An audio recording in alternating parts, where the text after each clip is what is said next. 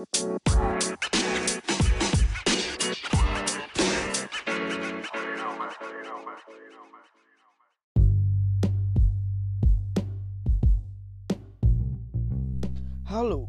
selamat pagi para pendengar setia Football Addicted di mana pun Anda berada.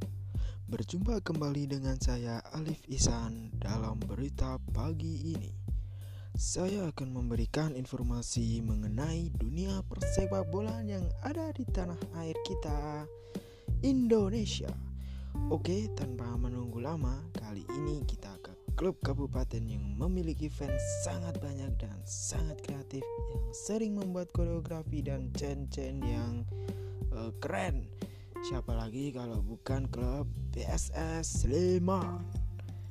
Setelah terrealisasikan dua tuntutan Marco dan Arthur Roth, kali ini Direktur Utama PT Sleman Sembada Bapak Andi Wardana mengumumkan bahwa hmm, beberapa pertandingan terakhir ini PSS Sleman masih belum memberikan hasil yang maksimal. Maka dari itu uh, Coach Dejan dinyatakan keluar dari kepelatihan PSS Sleman.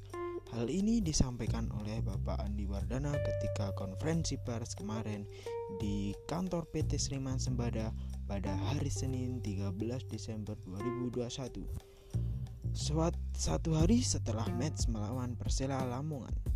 Lewat akun Instagram PSS Sleman, Bapak Andi Warjana juga menginformasikan kepada seluruh supporter PSS Sleman agar sabar dahulu untuk menunggu pelatih yang baru yang akan menggantikan Coach Dejan Antonik. Karena nanti jika sudah ada pelatih baru, maka akan diinformasikan melalui akun Instagram atau Twitter resmi milik PSS Sleman agar saat putaran kedua nanti PSS Sleman mendapat hasil yang memuaskan.